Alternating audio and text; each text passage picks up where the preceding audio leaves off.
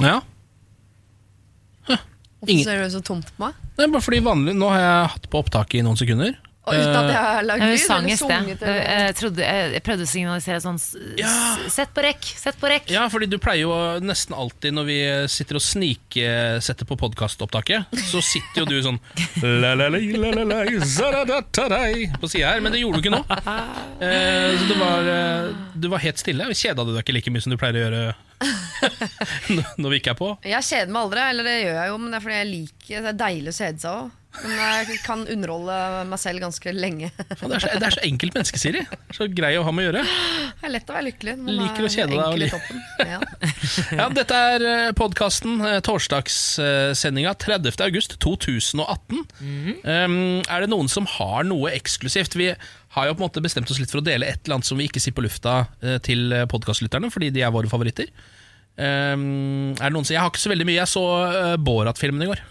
Ja vel. Er det lenge siden dere har sett den? eller? Ja, det er veldig lenge siden. Ja, det, er, det, er, det er verdens morsomste film. Altså Den gamle hvor han går rundt i badedrakt nede i Romania, eller hva det er for noe? Ja, Og er i, mye i USA. Det, det som er så sykt, Vi må eh, minne oss selv på at det er Borat, Sasha Barone Cohen, som gikk rundt i den eh, badedrakten, ikke Frank Løke. Ja, Fordi nå forbinder jeg bare den badedrakten med Frank Løke, og det irriterer meg. Frank Løke har tatt eierskapen. Det er ikke din badedrakt, Til, Frank. nei, det er ikke det. Den man mankinen der, det er Borats oppfinnelse. Men glemmer dere ikke også at når vi var på Hemsedal, så kommer det en eh, Vi var på sånn eh, teambuilding-tur i Hemsedal. Mm. Vi har aldri Ja. vært så langt fra hverandre som på den turen. Nei. men Det er greit. da kom det også en fyr i sånn Borat eh, i slalåmløypa der. Det Ja, er sant, det. stemmer det. Afterski-kongen som Ja. sklei Men heller han enn Frank Løke. Ja. Jeg er enig i det, altså. Men jeg må si det at fordi i disse Who is America-dager, Mm. eh, så er det litt deilig å se på det gamle greiene hans. Fordi det er jo akkurat det samme. Ja. Eh, bortsett fra at det nesten er enda frekkere og enda mindre politisk korrekt enn det er nå. Ja. Altså Det er så mye vitser i den filmen som jeg ikke tror det hadde kommet gjennom den dag i dag. Rett og slett Fordi det er altså alt fra altså det er, Ja, eller det er jo Han, altså han kødder jo med alt fra altså, eh, pedofili, på en måte, til eh, jødehets og sigøynerhets. Så det er ikke måte på. Altså det, er det er så helt på tvers av alt som er lov i hele den filmen. Ja, Før krenkegenerasjonen uh, Ja, eh, det var akkurat det det var. Eh, Og når jeg ser den, så tenker jeg sånn er, er litt greit at noen At det har blitt litt mindre lov å krenke alt. Ja. Men jæskla morsomt. Det er det faktisk. Det var det fra meg. Er det noen som har noe annet å melde? Syns ikke det var La meg se. Nei, altså, jeg tenker bare at folket må jo være lei å høre om graviditetsting, men det er på en måte det som går Ja. igjen Ja, det, det som skjer hos meg, da. Ja. Det er så lite spennende. Ingen fylla-historier. Før så var det sånn da jeg startet dette programmet her, da vi startet i januar, så kunne jeg fortelle om at jeg stjal på Mækkern. Ja. Eh, Det var litt mer spennende. ja. Du har ikke stjålet noe på en stund? Kan ikke det skal bli mor, vet du. Jeg kan fortelle at jeg går eh, som en eh, antageligvis første kvinne i dette landet. Kanskje første menneske i dette landet. Jeg var ute og prøvekjørte en Peugeot GT 508, som er da en sportsbil som Peugeot kommer med.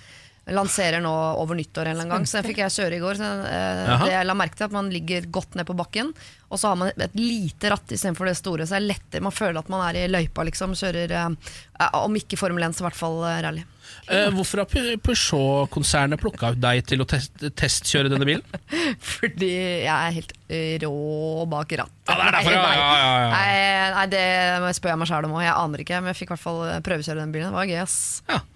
Eh, I denne podkasten kommer Silje Sandmæl innom eh, og lærer deg litt om økonomi. Burde du binde renta osv. Det Ja. kan være litt eh, smart å få med seg. Um, og så er det jo Siris lydrebus uh, og mye annet snacks. Veldig mye annet snacks. Det er bare å kose seg.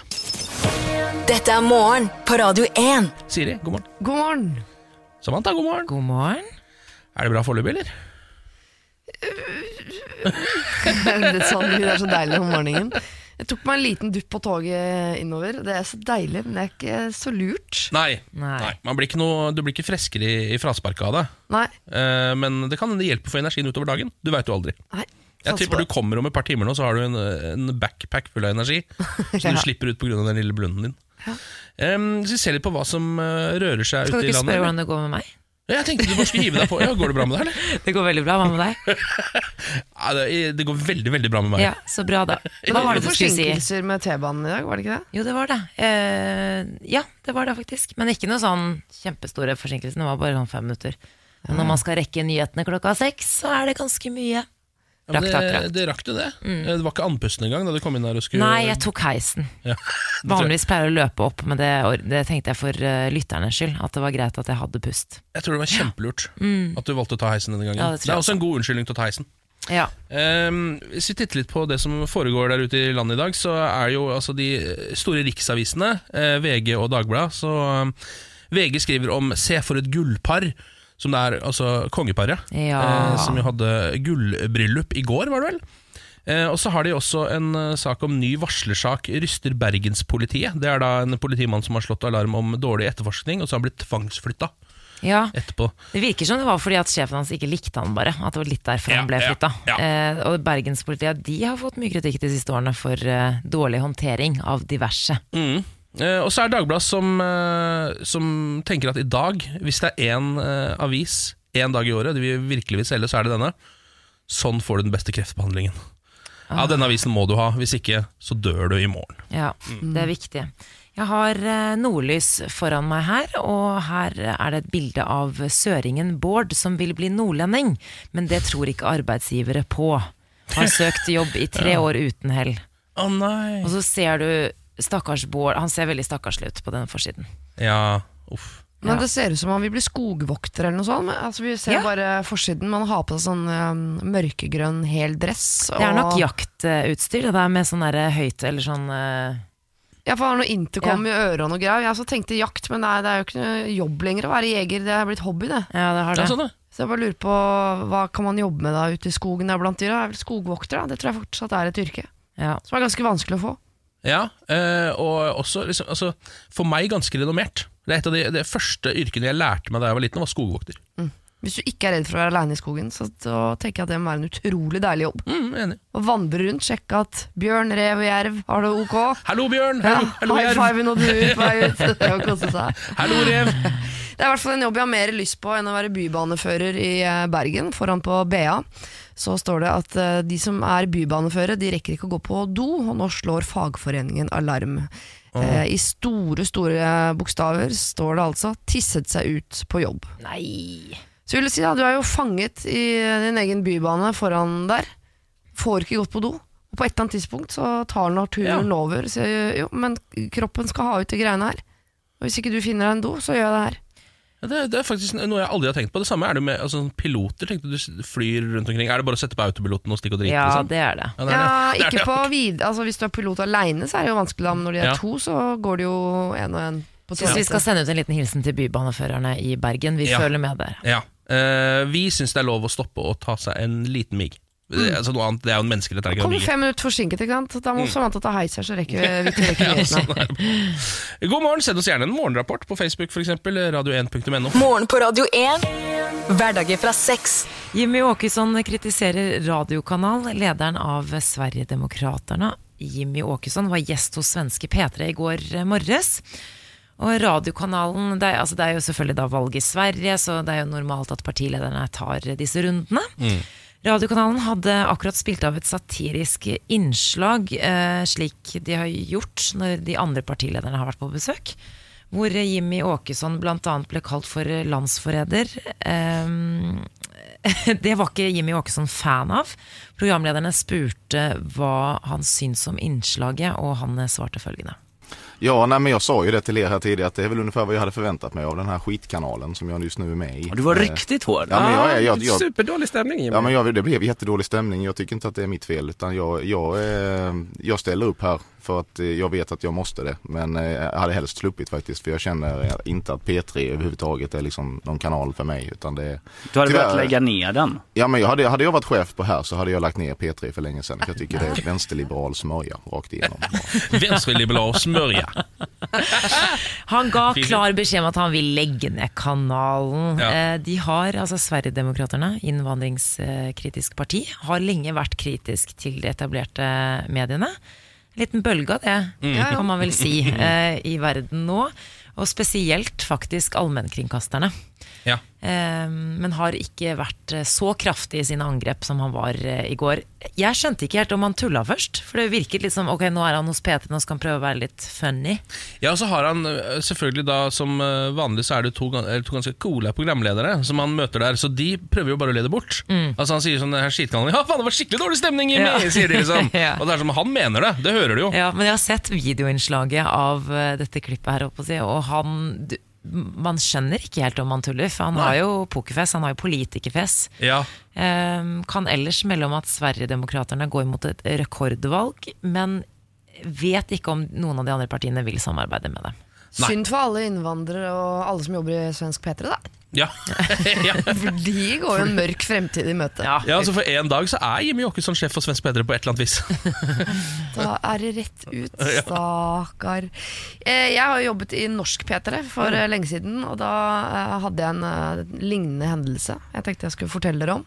Jeg kan ikke si navnet på denne personen, for da blir hun sikkert eh, lei seg. Men det var det jeg også ble. Du vet, Man sitter tidlig på morgenen, det vet dere òg. Det kommer mennesker inn i et rom som man skal intervjue. Man har forberedt seg, kanskje lest det de har skrevet eller sett det de har lagd, sånn, og hilser høflig, tilbyr kaffe og tenker at nå skal vi gjennom en eh, bunke med spørsmål her. Kose oss litt en god halvtimes tid. Eh, en morgen for noen år tilbake så kommer det da et menneske inn i rommet til meg. Tar meg i hånden, sier god morgen, ser meg i øynene og sier sånn Deg liker jeg ikke. nei. Nei vel. Uh, ok, ja ja, nei nei, sa jeg. Jeg ble litt sånn som disse på svensk Peter. Ok, ja ja, dårlig stemning, hi-hi, liksom. Kjempeusikker. Sånn. Nei, jeg tåler faktisk ikke trynet ditt. Og så må vi begynne intervjuet, så da eh, sier jeg sånn Ja, hei og velkommen, eh, du har jo nettopp Og så bla, bla, bla. Sånn typisk lanseringsintervju, liksom. Eh, og svarer i vei, og tilsynelatende god stemning. Så kommer låta. Ser rett ned i bordet. Nekter å se meg i øynene i de tre og et halvt minutter hvor vi antageligvis eh, spilte eh, et eller annet Ravi. Ravi, ja, antageligvis.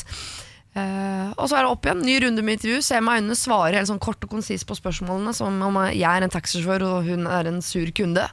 Så er intervjuet over, og da så, sånn, ja, takk for i dag, da. Nok en gang da, ta meg i hånda og vil gjerne gjenta. Jeg vil bare gjenta at trynet ditt, det tåler jeg ikke. Nei, men herregud. Men utrolig proff, da. Du klarer å opprettholde den Ja, begge, begge vil si at Siri er proff, ja. Eller kaller du hun andre ja, proff? ja, det er jo ekstremt proff proft. Ja, Ja. jeg har jo selvfølgelig brukt mye av min fritid i alle årene etterpå på å baksnakke vedkommende. Sånn som du gjør nå. Ja, men jeg pleier å bruke navn. Pleier å bruke navn. Ja, du gjør det, ja. Ja, gjør det. Bare oppsøk Siri Kristiansen på fritiden for navn, altså. Eh, vet du, altså Nå har det altså skjedd noe som jeg ble helt sånn totalt sjokkert av. Dette er sladdernyheter. Oi! Daryl Hannah og Neil Young har gifta seg. Det visste ikke jeg. så den Altså, nyheten i går, Ken. Altså, Den kanadiske rockeren Neil Young, en av uh, rockehistoriens mest kjente folk. Ja, ja. Og Daryl Hannah fra Kill Bill, for eksempel. Ja, eller. Havfruen. Ja, eller, ja, Splash, som det het. ja. Ja. Eh, de har gifta seg. Jeg visste ikke engang at de elsker at du, hverandre. elsker at du bryr deg om det her, Ken. Ja, men det er jo, Kjempesøtt. Men akkurat dette er altså en, Jeg synes det er så merkelig. Fordi eller sånn, Det er kanskje fordi at det er veldig lite fokus på Daryl Hannah og Neil Young akkurat i disse dager. Ja. Men, men hvis dette hadde vært for 15 år siden, så hadde jo dette her altså, vært et, av- Det hadde vært um, Det hadde vært en Jolie Pitt-stemning. Ja, ja. Ja, Det hadde vært veldig lenge siden, da. Men på Ja, hvilken ja. side står er det, Syns du dette er utrolig stort på vegne av Neil Young? Er du en Neil Young-gutt, eller syns du det er utrolig Jeg tror ikke jeg tror det er stort, stort på vegne av noen av de. Nei. Jeg tror det er bare Jeg syns, fortsatt det er litt fascinerende med sånne kjendiser som absolutt skal være sammen. Og så er det litt sånn gøy når det, at, at det fortsetter opp i altså, Neil Young er 72 år gammel nå. Han har blitt Oi. såpass, Ja. ja. Står det Eh, alder på Daryl? Daryl Hannah er 57. Shit. Så det er en liten aldersforskjell her, men de har altså da eh, på et eller annet tidspunkt funnet hverandre uten at et eneste medium i hele verden har giddet å bry seg om det før akkurat nå. Ja, for nå, ja. Fordi jeg ser jo at eh, til og med norske medier fant det verdig i går. For Det sto Ja. sånn 'Stjernene giftet seg'. Så tenkte jeg, hvem er det? Og så syns jeg jeg spottet en, eh, en litt annen versjon av Daryl Hannah, ja. Ja. Litt Eh. En litt eldre versjon av Daryl Hannah ser fortsatt eh, rimelig smashing ut, hun. Eh, Neil Young ser akkurat ut som det man tror en 72 år gammel rocker gjør. Hadde du kjent han igjen på gata? Eh, Nei, det er jeg faktisk litt usikker på. Nei. Eh, han har blitt litt grå i håret, mm. den mannen. Neil Young er en sånn legende som han bare ja, Neil Young er en legende, lagd veldig mye god musikk. Nevn Mm. en låt, da. Uh, uh, Macarena. Altså, jeg. Ja, men du, ja, Hard, Hard, of Gold har han laget. Den har du sikkert hørt. ja. ja, Ja. du sier det. Er- Du, Ken, kan ikke du begynne med sånn gammel sladdernytt? Vet du hva? Hvis det fins noe gamle sladder, så skal jeg plukke det opp. Ja, jeg skal, på min radar skal det for alltid være. Morgen på Radio 1. Kastet ut av Ex on the Beach uten forvarsel. Dersom du ikke har sett ukens episode av Ex on the Beach, så vil jeg rope ut spoiler alert. Ja, ja. Nå. Spoiler, spoiler, dersom du ikke har sett ukens episode og ikke vil vite hva som skjer, skru ned lyden litt nå. Vi er altså inne i den tredje uken av X on the Beach eh, på eh, TV Norge, eller eh, fem. Og for Sett først- alt. Sett alt. Ja. Det har i hvert fall Siri og jeg. Ken, du eh, holder deg til oppdateringer fra meg og Siri? Ja, ja. For første gang i programmets historie blir deltakere sendt hjem. Og i dette reality-programmet, hvor da single mennesker kommer for å feste, og så får de etter hvert besøk av eksene sine, i dette programmet har de ingen programleder, de styres nemlig av en iPad. Av en iPad. Ja, alle beskjeder til deltakere kommer fra en iPad, og denne gangen så bestemte den seg for å sende ut to deltakere uten forvarsel. Eh, en ordre fra en iPad eh, var det som skulle til for at eh, Ex on the Beach-deltakerne, spoiler, spoiler, Lloyd og Cecilie måtte pakke sakene sine og reise hjem til Norge. Da. Ikke står det hvorfor, det står bare 'pakk bagene og reis hjem'. Eh, Cecilie fikk beskjeden mens hun var på jentedate med Melina og hun eh, pene, som jeg ikke husker hva heter. Jeg husker ikke hva noen heter. Nei, hun eh, blond, pen jente. Mens Lloyd var til stede i huset da push-varselet kom, ante fred og ingen fare. Hør på det her. Jeg er alltid klar for fest, jeg. Men jeg er mer, jeg er mer klar for date. Det var jævlig artig på den forrige daten. Lloyd, du kan pakke sakene dine. Du skal hjem. Hæ? Ikke tull. Er det tull? Nei, fuck it. Tuller du? Ja, faen da. Ja, det å miste Lloyd, det, det var ganske tungt for min side, da.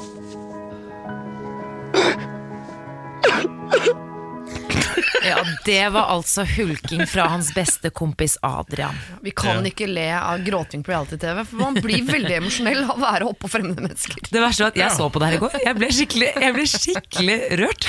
Hvor lenge har de vært sammen nå? I noen dager. De har vært ganske lenge, da, fordi Ja, ja. denne produksjonen ble utsatt for en tyfon. Så de måtte være en Ja. uke ekstra uten kamera, hvor de måtte være sammen i et rom nærmest for å ikke bare bli drept av nesten været. Bare leve vanlig liv sånn som vanlige mennesker gjør? Ja, Ja, så vi de er kjenner hverandre ganske godt. Men jeg må bare si at denne Lloyd, som jo er en utro, eh, for det første en veldig kjekk og ganske sjarmerende fyr fra Trøndelag, han burde jo vært med i eh, Love Island, for det første. Heller. Ja, for Eh, han er fordi- litt for ålreit for å være med på dette konseptet? Ja, For det første har de jo byttet ut denne paden, eller iPaden, med Tone Damli. Det vil jeg si er en oppgradering. Ja. Ja. Jeg er ikke sikkert Apple-konsernet er enig med meg i det, men jeg syns det. Eh, Og hun kunne forklart han reglene. Kunne forklart han hvorfor han sendes ut. Ja, for det, det har de ikke gjort, og det er jo han sinna for. Fordi han vet, ikke, han vet fortsatt ikke den dag i dag hvorfor han ble sendt hjem. Men det er jo, han var jo en av de som ikke hooka. Ja. Eh, Enkle, altså Reglene er enkle. Når jeg har sett to hele sesonger svensk og norsk, og jeg har forstått at hvis, ikke du, eh, hvis du er vanlig sjarmerende menneske, så være det. Er ikke det folk vil ha. Du må lage skandale, eller du må ligge med folk, eller du må lage oppstyr. Hvis ikke så så sier paddaen du må pakke sakene dine og reise hjem. For det er ingen uttalte regler i dette Nei, nei, programmet? det er bare Nei, du nei, er for nei, nei, kjip. nei. Du må Ja. hjem. Du, du lager kjedelig TV. Vi vil ikke ha det her. Ha! Det er, det er regelen. Men, det, og dette er de klar over, eller? Ja, Ikke Nå Lloyd. tror jeg de skjønner det.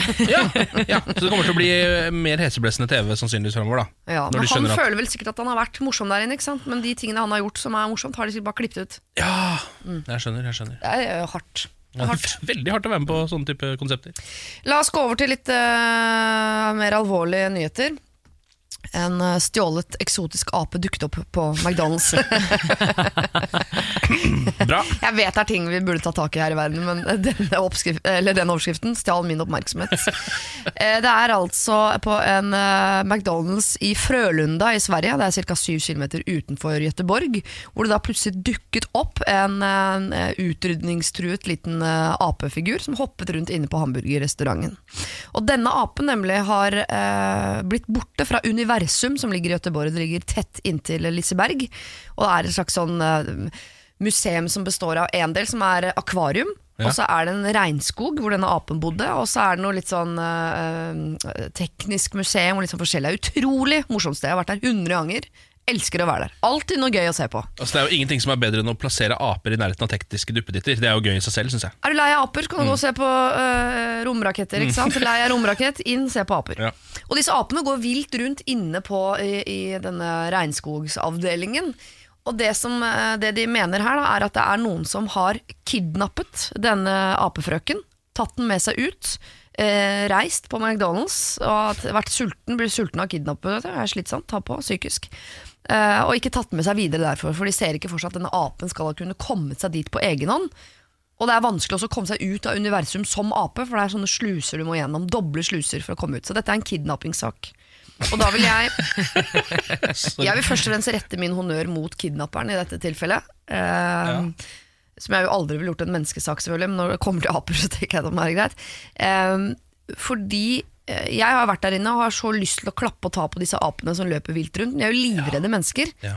Så hvordan du inne der, i 300 varmegrader og en eh, luftfuktighet som ikke ligner grisen, har klart å fange en ape og få den med deg ut, det syns jeg er så imponerende at dette er et menneske vi må uh, få tak i og, og bruke til noe fornuftig.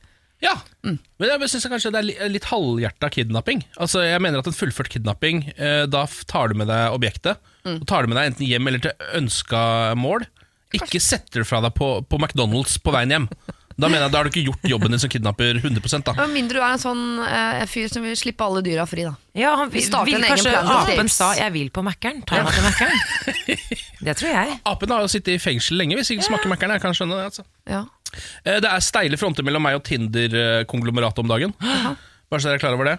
Ehm, Jeg har eh, tatt opp denne sjekkeappen igjen, som jeg gjør med sånn Jeg tror alle, eller veldig mange som har den appen, har litt sånn ambivalent forhold til den. Så man bruker den i et halvt år, og så sletter man den på en måte, eller bare ikke bruker den i et halvt år, og så kommer den opp igjen. Og er sånn, jeg må sjekke om det har skjedd noe på der. Um, og når jeg gikk inn nå, så hadde jeg en, en, en match med en Jeg tenkte sånn, ja, nå kan jeg kanskje chatte litt med denne kvinnen. Akkurat idet jeg skal inn og eh, si liksom halla, så kommer det sånn eh, Kan ikke du registrere telefonnummeret ditt på Tinder? Det er mye sikrere når du skal logge deg på, og ble, ble, ble, ble, ble, ble, ble, står det bare. Eh, og så eh, får jeg en umiddelbar reaksjon som er Jeg har ikke lyst til å registrere telefonnummeret mitt på Tinder. Jeg, jeg skjønner ikke en eneste god grunn til at jeg skulle gjøre det. Så det nekter jeg på en måte, men det går ikke an å nekte. Det står ikke noe 'not now' der. Det står bare 'prøv igjen'. Så så, så jeg står bare i en evig loop for jeg ikke liksom Ja. Jeg kan ikke skrive inn dette telefonnummeret, så derfor så står appen min i stå. på en måte Det er det eneste jeg kan gjøre. Skrive inn telefonnummer, eller ikke bruke den. Så jeg eh, går inn på eh, og sender en mail til Tinder og sier fra om dette problemet. Og sier at eh, jeg nekter å legge inn dette telefonnummeret, hva kan dere gjøre for meg? Eh, Og da får jeg bare tilbake eh, så klassisk sånn we are, we are taking your concern very seriously. However, um, we have a new policy that you have to put your phone number in. Og det nekter jeg å gjøre. Hvorfor satt du ikke bare et eh, tilfeldig åttesifret eh, tall der? Nei, Fordi du skal jo selvfølgelig få en bekrefte. kode tilbake. Altså Det er jo bekreftelser, og du, du kan ikke bare skrive Det er inn i- jeg prøvde, jo, jeg prøvde jo selvfølgelig 0000000 først i starten. Det, det gikk ikke. Vil ikke ha det. Så nå eh, er jeg altså i en em, slags eviggående loop av en dialog med Tinder kundeservice. Som jeg aldri kom meg ut av. Og derfor får jeg heller ikke brukt appen min. Og jeg, nek jeg vet at jeg kunne bare skrevet inn det forbaska telefonnummeret, men det er et eller annet i meg som, eh, som sier at jeg vil være han ene fyren i verden som ikke ga fra seg telefonnummeret Ja. sitt på internett. Men da kan faktisk Tinder begynne å lure på hvorfor ville han ikke Det er, altså det er litt småcreepy å ikke ville oppgi nummeret sitt. Jeg skjønner jo at du av sikkerhetsmessige årsaker ikke vil oppgi det, eller at det er litt sånn stahet, men de, det er jo omvendt. Det er, de må jo, altså det Numrene er jo til for at de skal beskytte folk. Ja, eh, det kan hende, men altså, sånn, jeg får jo ingenting igjen for å legge ned telefonnummeret. Altså, bortsett fra Nei, at det du vet at du er en ja, eller, trygg ja, men og bortsett fin fra at det fyr. blir lekka rundt omkring. Fordi det gjør det jo. Altså, du husker jo d- altså, Facebook, vi har vært gjennom dette før. Ja. Og Der sto det også 'kommer ikke til å bli lekka noe sted'. Hva er det fra Alt ditt ble lekka liv? overalt. Hva er det fra ditt liv som er krise om kommer ut, eh, Ken? Nei, eh, telefonnummeret mitt. Ja, videre. Derfor Nei, det er bare det. Fordi da begynner folk å ringe meg. Det gjør det er det at allerede. har- Vil du ikke at folk skal ringe deg? Er det poenget med Tinder. Eh, ja, det er Etter hvert? det. Ja, det er jo det. Det er litt av poenget. Du har i hvert fall feil kommunikasjon med Tinder, for der skal man treffe damer. Man skal ikke sende mail med konsernledelsen. og jeg synes også dette sier noe om skaperen av eh, Tinder. Han Vet har hva, vært en irriterende sjekker tidlig i sitt liv. Han er en fyr som har sagt sånn 'Få telefonnummeret ditt', da. Nei, jo, nei, Ja. jo, jeg skal ha det. Ja. Jeg nekter å gi meg, jeg skal ha telefonnummeret ditt. Jeg starter en sjekkeapp. Ja. Men egentlig så, når jeg tenker meg om, så er jeg ganske fornøyd, for nå har jeg en veldig bra svarfrekvens på Tinder. Min beste svarfrekvens noensinne. Jeg sender, jeg får svar. og det fortsetter. Du har et forhold med Ja, jeg har et forhold der inne nå. Det går veldig godt nå. Vi har, vi har begynt å sende smileys og sånn. Ja. Dette er morgen på Radio 1. Det er jo, eh, Vi har kommet dit hen på ukeplanen Samantha, at vi skal ta en liten runde på hva som skjer i sportsverden. Er ikke det fint, da? Jo, det er veldig, veldig deilig. Ja, jeg kan starte med ukas sportsoverskrifter. Camilla Herrem skårte igjen 53 dager etter fødselen over all forventning. For en maskin! Maskin vant over Sandnes 35-15. Hun spiller altså fra, for eh, Sola. Sola. Ja. Ja. Jeg vil bare skyte inn til alle gravide kvinner eller uh, dere som nettopp har født der ute, at det er ingen forventninger i samfunnet om dette. Ta det helt med ro. Det er også lov å bare sitte der Takk. eh, og grue seg til du må stå opp for å pusse tenner eller dusje eller gjøre helt vanlige ting fordi du syns det der er litt vanskelig. Absolutt lov, men eh, man må tenke litt på det at Camilla Herrem legger jo nå et voldsomt press på resten. Altså Nå forventer jeg, Når vi forventer at du for eksempel, Samantha, er ganske superkvinne Ja, jeg tar ingen hensyn til den nyheten der. Nei, bra, jeg. jeg, bra. kan, jeg må ta avstand. Ja. Mm. Usain Bolt, eh, verdens raskeste mann, sliter med tempoproblemer i sitt forsøk på å bli profesjonell fotballspiller. Det er noe av det mest paradoksale jeg har hørt noen gang. Han skal eh, spille sin debutkamp eh, i morgen og er eh, rimelig nervøs, kan jeg melde om. Hvor er det han er nå? Brann, Du, eller? eh, nei, han var og trente med, med Strømsgodset. Ja. Ja. Men han, skal, han har trent med australske eh, Central Coast Marinas. Ja. Eh, Og skal spille en internkamp mot klubbens amatører, og er kjempenervøs. ja. Jeg kan melde om det. Det er veldig søtt. Ellers så må jeg, kan jeg melde at eh, minstemann Jakob Ingebrigtsen må droppe Diamond League, eh, som er i kveld. Men en annen som skal stille, det er eh, mellomstebukken. Ja. Bukken Bruse, Philip Ingebrigtsen. Ja. Han må klare seg uten eh, hans sykdomsrammede eh, lillebror, men er i form og kan eh, vinne finalen på 1500 meter Oi. i Diamond League i kveld.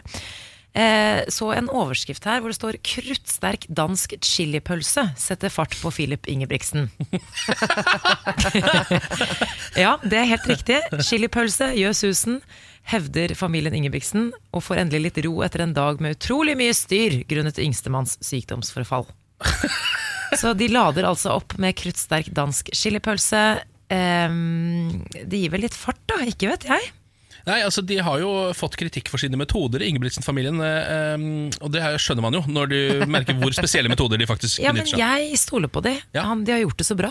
Ja, heller det enn mye annet eh, jeg liksom har sett for meg at de Ja. må.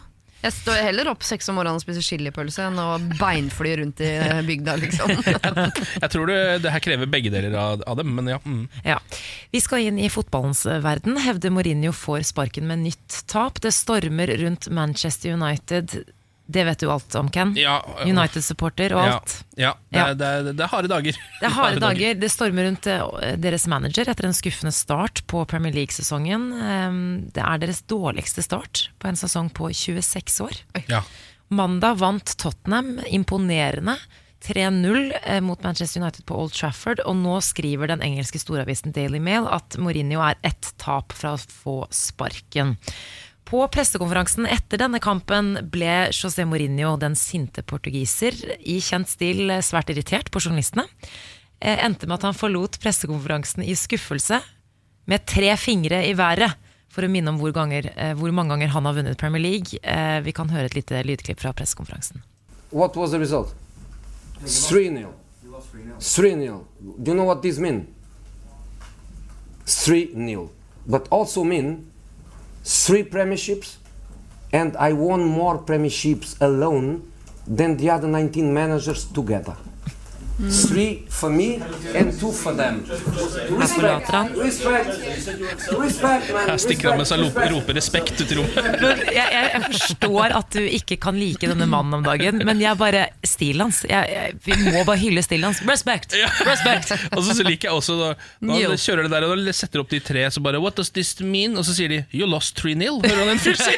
Så Yes, yes, but also! Men Manchester United har et lite problem, fordi eh, ifølge Daily Mail så fikk Mourinho ny kontrakt med en heftig lønnsøkning i januar. Ja. Ja. Og det er jo ikke så lenge siden. Han var på, den, på det tidspunktet den best betalte treneren i Premier League sammen med Pep Guardiola. Eh, ukelønn på 2,7 millioner kroner, tror jeg. Eh, så hvis United gir ham sparken nå, så vil de måtte betale en liten formue i kompensasjon. Ja, eh, Heldigvis så sitter jo den klubben på en stor formue, så de har jo Ja, det det. råd til å gjøre det. for så vidt Men stem, er han, eh, tar han ikke feil? Altså At han har tre eh, Premier League-seire, stemmer vel. Men at Ja. alle de andre har to til sammen, stemmer Har de bare vunnet fem ganger totalt i Ja. De har bytter så mye manager borte, Ja, så han har helt sikkert rett i det. Ja, faktisk men han sier to til sammen. Alle de andre managerne som noensinne til sammen. Nei, han mener sammenlignet med resten av trenerne i ligaen i dag. Ja, de som er der i dag, ja. Mm, Så da har han helt sikkert rett, for de bytter jo manager eh, altså, hvert år. Så er du ute med noen og inn med noen. Vet du. Men jeg liker, der er du journalist, eh, Siri. Ja. Faktasjekker. Det er bra. Jeg bare mener at det er feil. Ja. Ja, du, Ja, det er ikke riktig. det er ikke riktig at det er feil. Eh, Samantha, takk for en liten oppdatering på sportsverden.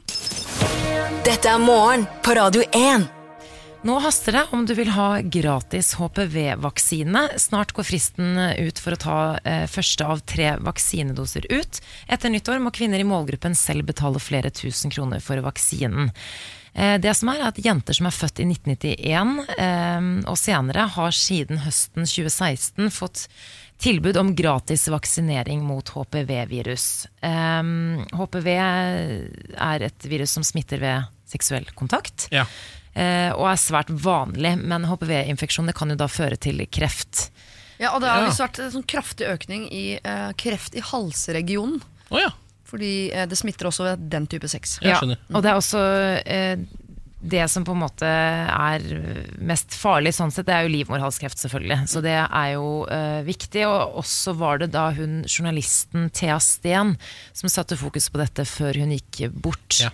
For noen år siden. For hun eh, Ja, det, det var jo noe feil med prøvene hennes som gjorde at de ikke oppdaget det tidlig nok. Hun fikk livmorhalskreft og gikk dessverre bort. Og denne saken den gikk veldig innpå meg. Hun var eh, født eh, Eh, Hun var like gammel som meg. Hun var journalist, hun også. og Jeg husker at hun satte i gang den Sjekk deg-kampanjen mens Ja. hun var syk og kjempet mot kreften. Og fikk altså flere tusen jenter til å vaksinere seg, og har mest sannsynlig reddet noen liv også. Eh, det som er, er at eh, jeg er jo født eh, to år for tidlig, så jeg har ikke tatt denne vaksinen. Eh, men jeg vil bare oppfordre alle jenter som ikke har tatt den. Stortinget melder nå om at det er fortsatt 100 000 uvaksinerte blant denne aldersgruppen her, som fortsatt kan få den gratis. Det koster jo flere tusen kroner å ta den, så jeg vil bare oppfordre alle kvinner født i 1991 eller senere til å benytte seg av denne muligheten. Ja. For det er veldig bra. Jeg har selv hatt celleforandringer.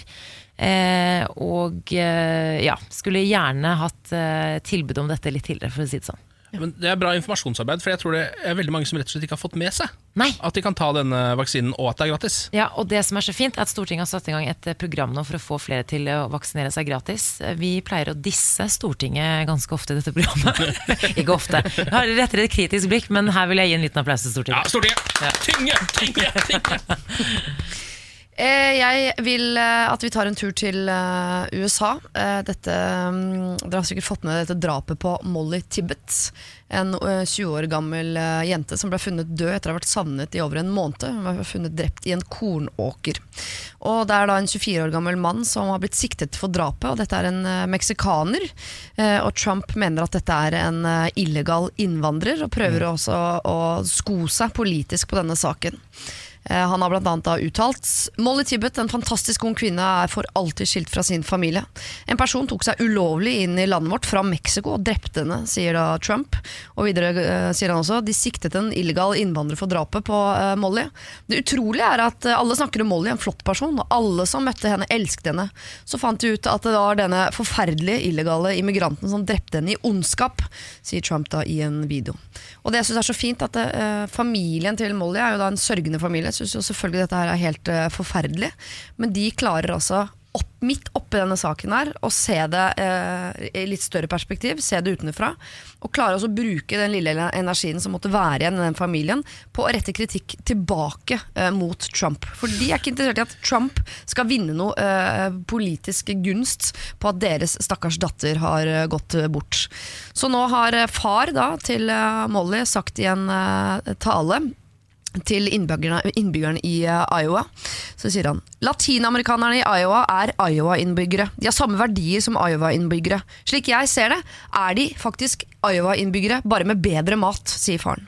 Så ikke klarer han bare å kritisere landets leder, han klarer også å være litt morsom og veldig veldig smart Ja. midt oppi denne forferdelige tragedien som de opplever. Tenk deg hvor forbaska, liksom ikke bare irriterende, men litt sånn håpløst det må være. Eh, Den følelsen du får når, du på en måte, når noe sånt har skjedd, og så kommer Trump oppi det. Ja, og det det skal vinne politisk på den saken. Ja. Det vekker så mye, mange følelser. For, for det første bare eh, den fantastiske familien, som, og det er jo kjempetrist, de har opplevd noe av det verste man kan oppleve. Eh, at de går hardt ut mot Trump, det er helt fantastisk. Men så har du da Trump som altså, Det fins jo drittsekker overalt. Det fins drittsekker i Mexico, det fins drittsekker Ja, ja, ja. i USA. Det, har, det er så typisk at han bruker det som en sånn politisk, et lite politisk stikk til illegale innvandrere. Ja. Det virker som man tror at nede i Mexico sitter en sånn gjeng med forferdelige mennesker som prøver å smyge seg inn i landet hans for å drepe folk. Altså, Ja, Han tror jo sikkert ikke det heller. Han bare vet at uh, Ja, men kjernevelgeren hans her, tror på det. her treffer jeg, her treffer jeg, tenker han. Morgen på Radio 1. Hverdager fra sex. Vi sitter her, da. Altså, Samantha Skogran er jo på plass. God morgen. God morgen. Siri Kristiansen er vikar for Niklas Baarli. God morgen. God morgen. Og så har vi fått eh, Silje Sandmæl på besøk. Eh, God morgen, Silje. God morgen. Eh, Økonom, og da skjønner jo folk at vi skal snakke om økonomi. Eh, Det er jo eh, noe som eh, alle har et forhold til, enten de vil eller ikke, men som ikke alle er like gode på. Og vi er heller ikke så gode i dette studio alltid, så derfor så har vi henta inn litt eksperthjelp. Um, og det var en sak jeg leste her om dagen på E24, og der var du, Silje, ute og anbefalte alle studenter å ta opp maksimalt studielån. Ja. Hvorfor, uh, hvorfor sier du det? Altså, det er jo gratis penger. I hvert fall mens du studerer. Det er ingen renter. Og det er klart at hvis du får penger helt gratis, så kan du bruke de pengene til å investere selv. Og hvis du putter det i BSU, da, for eksempel, som er over 3 rente i dag, så, så får du rentepenger, pluss at du får skattefradrag. Ja, Så det er jo altså at ikke folk gjør det. Ja, men Det er vel litt fordi at det eh, sier jo mot alle celler i kroppen at man skal ta opp et lån hvis man ikke trenger pengene. Hvis du skjønner hva jeg mener. Ja, ja, absolutt. Men altså, nå er det jo sånn at det er ikke så mange studenter som ikke trenger pengene heller. Men, eh, men det er klart at eh, mens du studerer, invester pengene, og så begynn å betale tilbake når du er ferdig med å studere. Og da er det fortsatt et gunstig lån, for det det, altså, du får ikke lavere rente enn det du får på studielånet. Er det ditt beste økonomiske tips til studenter, eller? Kjøre Nei, det er mye. Nei, men ikke sant, man skal være forsiktig. Det er bare Tenk deg selv, hvis du får masse penger inn på konto, så skal du liksom ikke røre de. Det det er jo kjempeskummelt. Det er jo livsfarlig. Ja, Jeg tror de fleste studenter leste den overskriften annerledes. Maksimalt studielån, jippi! Ja. Ja, så det er farlig, men eh, derfor, ikke sant, ta det i BSU, så er det litt lenger unna. Tar det kanskje i pengemarkedsfond, altså i et rentefond, så er det litt lenger unna. Og så, så pass på så ikke du blir fristet til å bruke pengene, for da lønner det seg selvfølgelig ikke. Apropos dette med å bli litt fristet. eh, noen av oss har jo et kredittkort for mye. Ja. Eh, Snakk for seg. Ja, det var akkurat det. Jeg bare ser den. hva er den beste måten å betale ned et sånn type lån på? Eh, altså Kredittkort det er jo egentlig helt suverent hvis du bruker det riktig. For det er også gratis lånte penger, men bare i en viss periode. Sånn at når rentene begynner å løpe, så er de jo helt hinsides høye. Ja. Og da, da lønner det seg selvfølgelig ikke, men, eh, men det er klart at sånn som jeg, som har kontroll, bruker jo kredittkort. Ja, hvordan det- bruker du det da? Hvordan er en riktig måte å bruke det på? Nei, altså det er jo Jeg bruker det på alt. Og så samler jeg inn da eurobonuspoeng. Så for meg så gir det jo turer Ja, for hele ferie av dette, du. ja. Men bra forsikring, er det, har det noe med forsikring å gjøre også? Selvfølgelig. Det har det òg. Hvis du betaler f.eks. Um, eh, deler av reisen din med kredittkortet, så, så får du gratis reiseforsikring. Men altså, har du ikke kontroll, pass på. Fordi de rentene igjen da, det er fra 20 til 40% Og jeg har hatt nok av de menneskene som jeg har klippet kredittkortet for. Og så får man jo bare et nytt et da fra banken. De sender jo bare et nytt med en gang du klipper det, så det er jo helt håpløst. Men eh, det går jo masse på TV, så er det jo en del sånne reklamer. Det er sånn eh, Lendo og lignende som eh, banker da på en måte som tilbyr deg å samle alle lånene dine til ett. Ja. Det er sånn Hvis du har mye kredittkortgjeld, og sånn snakker de veldig mye om. Er det her liksom en slags scam, eller er dette et bra tilbud? Ja, det spørs litt, da. Altså, jeg har vært borti eh, folk som har samlet alle lånene sine og trodd at de har vært kjempeflinke, og så har de ikke tenkt på renta. Fordi det er klart at hvis du tar opp et forbrukslån da, til 15% rente, og så putter du inn studielånet Unnskyld, nå begynner jeg å le litt, da. Men, men til 2 rente, så lønner jo ikke det seg. Nei. Så, så du må jo tenke på ok, hvis jeg skal samle det, så er det fordi at jeg får en lavere rente. På, Ja. de lånene, på de lånene jeg har. Men hallo, altså, vi skal jo egentlig ikke ta opp forbrukslån i det hele tatt. Nei. Hvis ikke vi klarer å ta og betale tilbake i løpet av kort tid. Da. Altså, du snakker mye om eh, renta her. Det er jo veldig ofte sånn når det er økonomi, så går folk ut og snakker om renta. Em, kan vi ikke bare ta det helt sånn helt ned? Hva er det for noe? Hva er renter? Renter er eh, veldig enkelt forklart det du betaler for å låne penger. Og det som er veldig viktig, og som mange ikke vet, det er jo at det er effektiv rente og nominell rente. Ja. jeg ser du selv blir litt sånn Ja. undrende. Jeg gikk bare en uke på var- og det var fadderuka, så jeg er ikke så veldig god. Hva betyr det? Nei, Den nominelle renten er egentlig den renten som alltid står med sånne store tall. Ja. Eh, fordi mm, den effektive renten, i tillegg til en nominell rente, så betaler du gjerne administrative kostnader. Og det er det som gjør at eh, den ordentlige renta, inkludert alle kostnader, eh, blir veldig høy. Så alltid se på den effektive renta. Ja, det er den effektive renta som gjelder. Ja, og det, er den med liten skrift. Ja, ikke sant? Det er det, alltid det med minst skrift som er viktigst. Veldig amerikansk. Ja, det er veldig Ja, amerikansk. ja. Eh, sentralbanksjef Øystein Olsen har jo sagt at Norges Bank vil sette opp styringsrenta. Ja. Eh, og det er for første gang siden 2011, så vidt jeg har skjønt. Yes. Hva betyr det? Altså Å sette opp styringsrenta, hva vil det ha å si for folk? Nei, altså Det er jo veldig ofte sånn at eh, hvis eh, styringsrenta blir eh, satt opp, så kan jo boliglånsrenta også følge etter. Og penger som du har på sparekonto. Ja. Eh, så, så det er klart at for alle som har boliglån, så kan det jo bli dyrere. Og det kan svi for noen. Mm. Ja. Så styringsrenta er egentlig på en måte et tips fra de som har mest peiling, sier til alle andre som driver med renter sånn dette er, det, dette er bare det vi mener, og så kan alle andre rette seg etter det.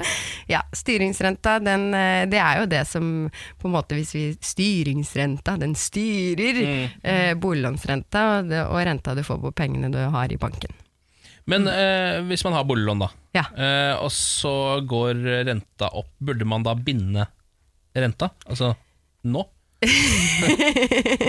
Jeg ser at du sitter allerede og skal begynne. Ja, ja. Jeg har dratt fram kodebrikka mi. Skal inn på Du er vår Øystein, eh, Øystein Olsen, du, Silje. Nei, Silje, vi hører på deg, vi. Ja, det er akkurat det.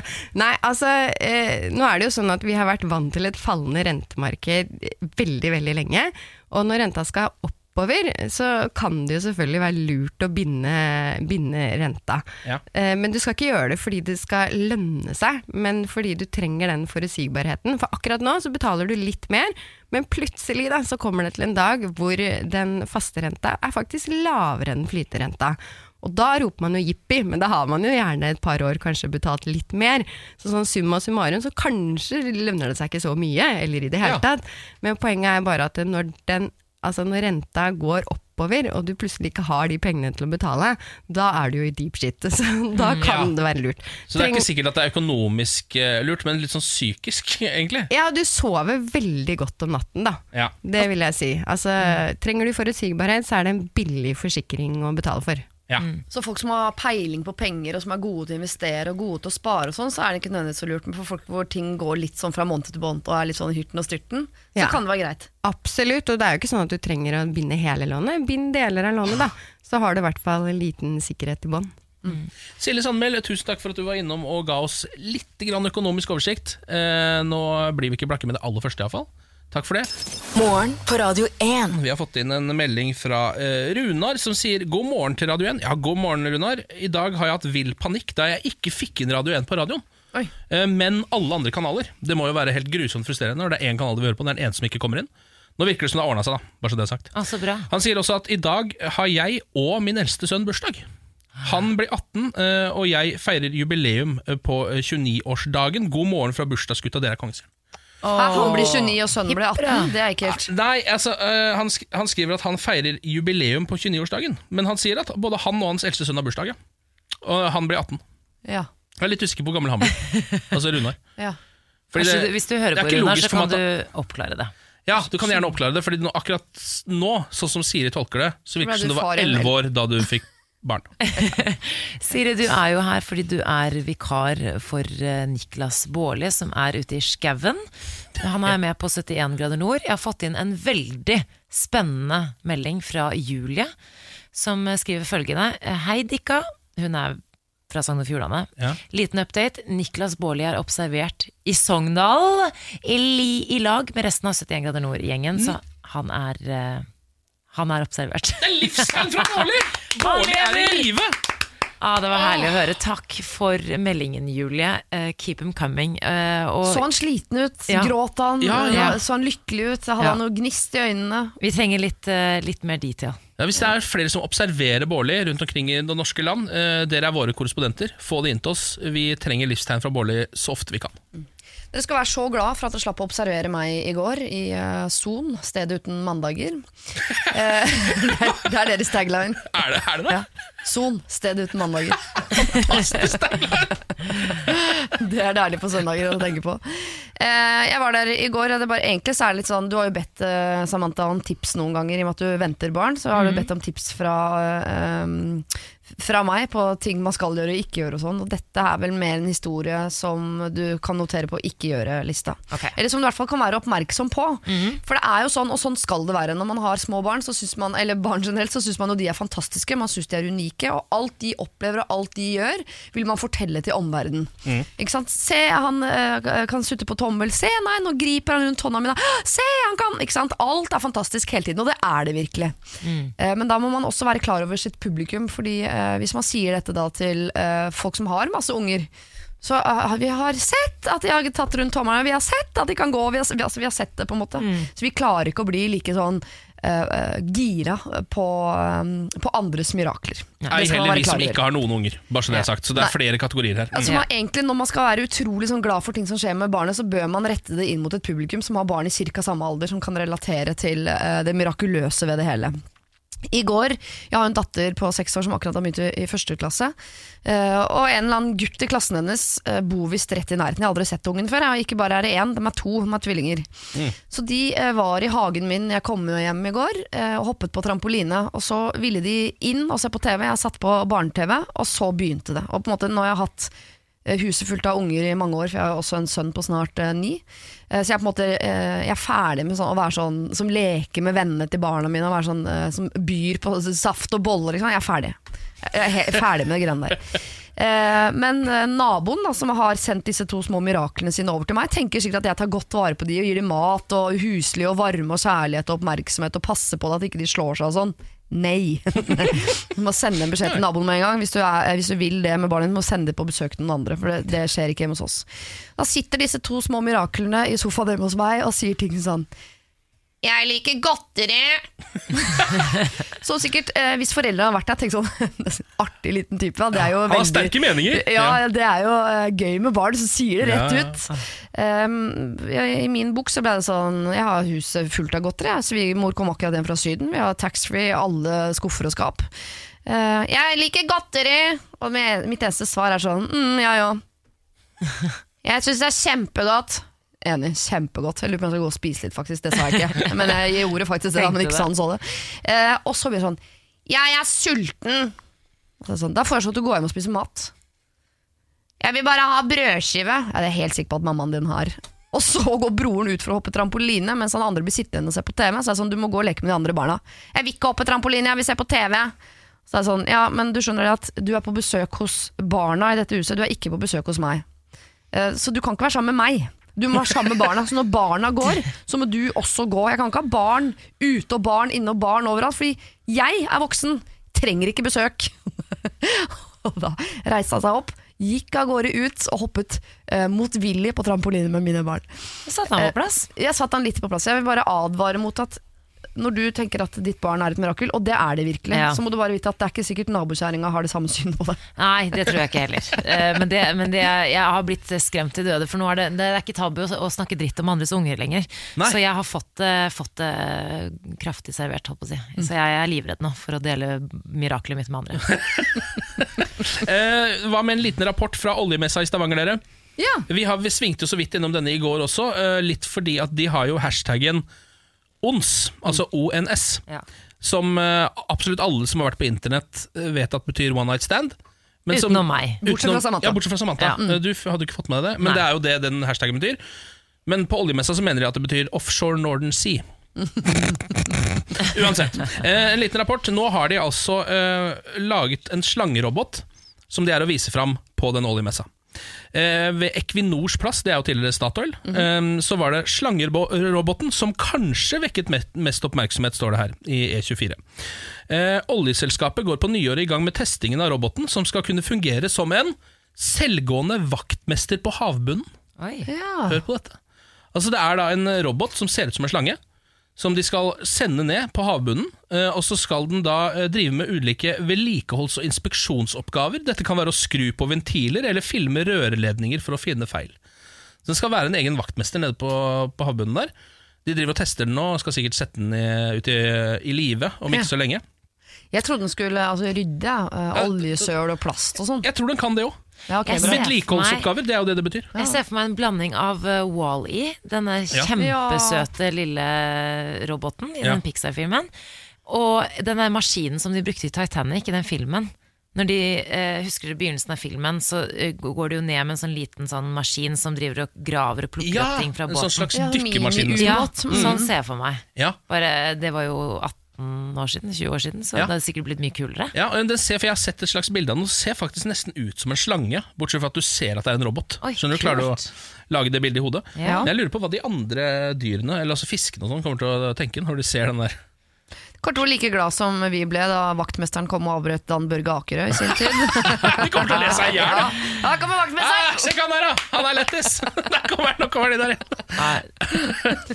Morgen på Radio 1. Eh, Finansavisen sitter jeg med foran meg, og, og eh, øverst på Finansavisen står det 'Skei Grande vil ha dyrere bøker'. Det syns jeg høres ut som en dårlig idé.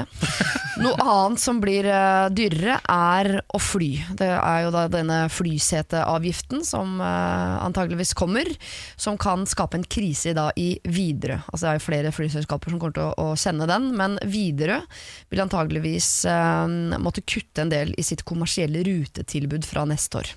Og vet at Widerøe flyr jo til disse bitte små stedene i Norge som det er nesten umulig å komme seg til eller fra, med mindre man kan fly, eller har gode to uker å sette av til å reise rundt. på en måte. Ja. Er Fjell og fjorder og ting som gjør det klønete å komme seg fram. Ja. Og jeg vet at Widerøe-tilbudet er ikke sånn Det er ikke 46 avganger til eh, Kirkenes hver eneste dag. Eh, Så jeg tror at det vil være ganske smertefullt for de som bor der oppe, og som føler at de er avhengig av eh, å kunne komme seg steder med fly. Mm. Samtidig så klarer jeg ikke å liksom få opp sympatisenteret sånn helt enormt. Jeg har sympati med de som er avhengig av disse flyavgangene. Men i og med at Widerøe er ene og alene har ansvaret for at jeg i dag har flyskrekk, Å, så klarer jeg ikke Jeg syns synd på passasjerene, men jeg klarer ikke å synes synd på Widerøe. Ja, for jeg hadde tenkt å stille et spørsmål om du hadde tatt uh, propellfly med Widerøe før. Jeg har dessverre det. Ja. Ja. Ja, det er også, jeg gjorde veldig mye da jeg studerte i Volda. Fordi der er det jo det man tar. Da kjører man et bitte lite fly, så lander det rett ved siden av polet mellom Volda, Volda og Ørsta. Er, ikke det, er det ikke fotballbane og flyplass i ett? Altså, Ja, på en måte. ja. Ja, det er omtrent sånn det fungerer. Ja. Eh, men jeg, jeg syns det er et ganske sånn sympatisk lite flyselskap. Jeg har alltid likt det. Jo, de er søte, men det er bare hvis man eh, Jeg var ikke redd før den dagen jeg skulle sette meg inn i et Widerøe-fly, og det er flykapteinen som møter deg på rullebanen og tar bagasjen din og setter det foran hos seg. Foran i cockpit, foran hos seg. Og inn dit er det ikke noe dør for øvrig, det er bare sånn dingel sånn som henger ned, sånne Ja, ja. remser fra taket. Så han sitter i flysettet sitt, snur seg rundt og sier sånn Ja, ok, folkens, da flyr vi! Og så sitter jeg da uh, veldig rar, jeg sitter bak i flyet sammen med bl.a. Bjørn Dæhlie og Vegard Ulvang. Og det var da jeg begynte på det som har gitt meg flyskrekk, for jeg begynte å lage avisoverskrifter.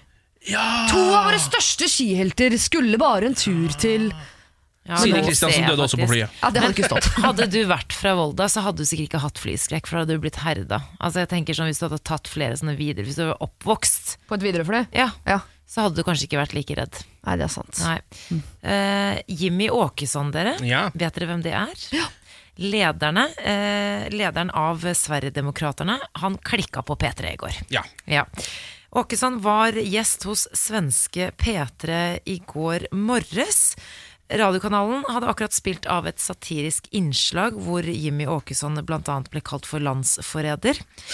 Det innslaget eh, har vi dessverre ikke lyd fra, men vi Nei. har lyd fra eh, reaksjonen til Jimmy Åkesson. Hør her. Ja, nei, men jeg sa jo det til dere her tidligere, at det er vel omtrent hva jeg hadde forventet meg av den här skitkanalen som jeg just nu är med i. Du var riktig riktigt hård. Ja, men jag, jag, Superdålig stämning Jimmy. Ja men jeg, det ble kjempedårlig stemning. Jeg syns ikke at det er mitt fel utan jeg, jeg eh, jag ställer upp här för att eh, jag vet att jag måste det. Men eh, jag hade helst sluppit faktiskt för jag känner inte att P3 överhuvudtaget är liksom någon kanal för mig. Utan det, Du hade tyvärr- börjat lägga ner den. Ja men jag hade, hade jag varit chef på här så hade jag lagt ner P3 för länge sedan. För jag tycker det är vänsterliberal smörja.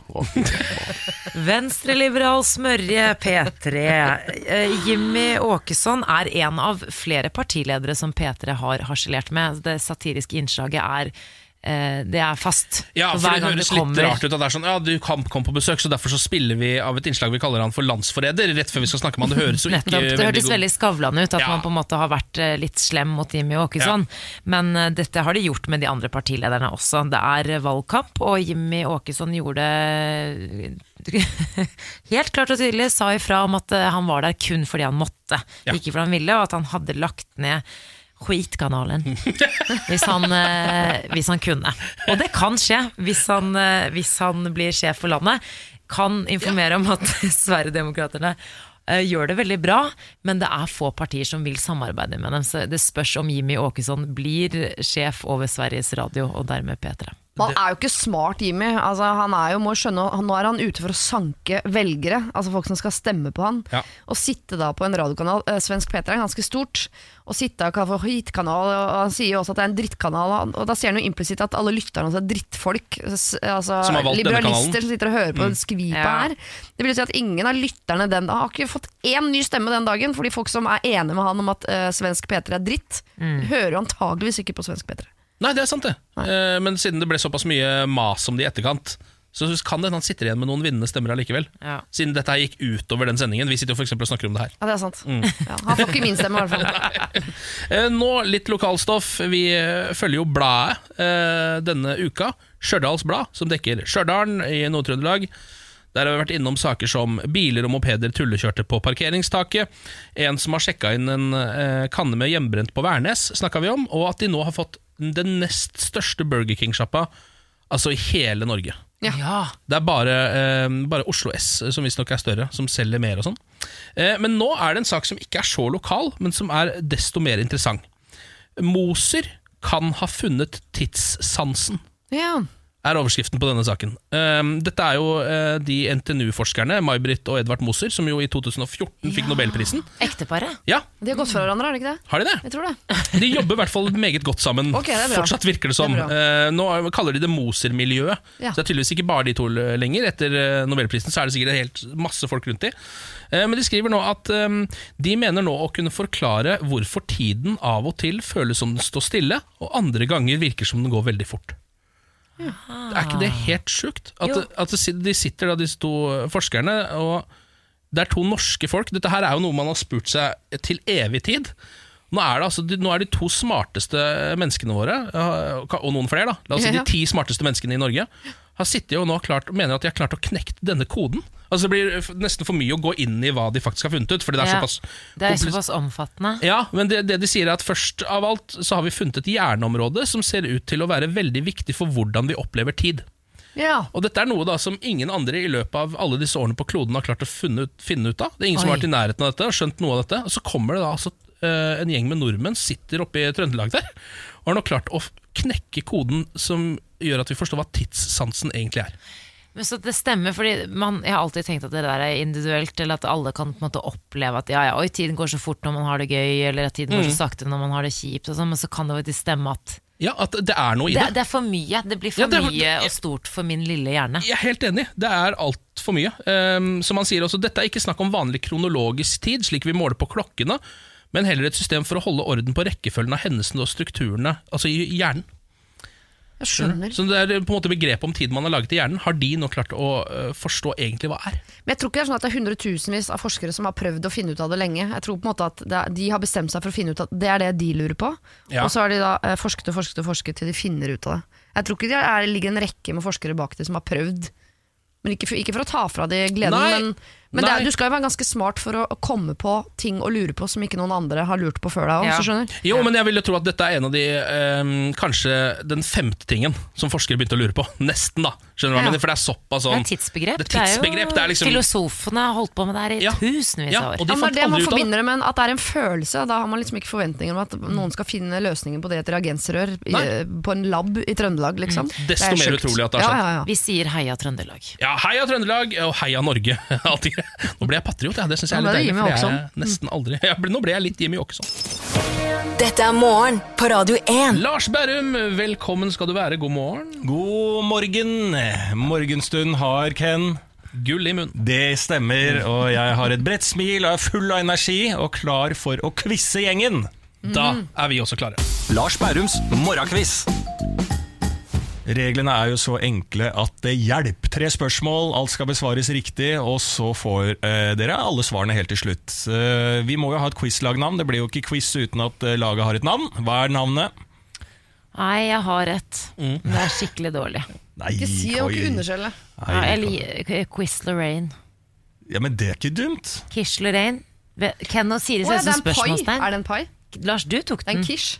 Ja, altså, hvis det er pai, ja. Ja, det er pai. Ja, ja, ja, da tok jeg den. Men Ja, nå ble jeg usikker siden du så så Lars, du tok den. så jeg bare Å nei, den skuespilleren vet jeg faktisk ikke hvem er. Tish Lorraine, nei. Ja, det er paien. Ja, ja, men jeg syns ikke det var så dumt. Nei, det er ikke dumt. Nei, det er ikke best, men det er absolutt ikke dumt. Nei.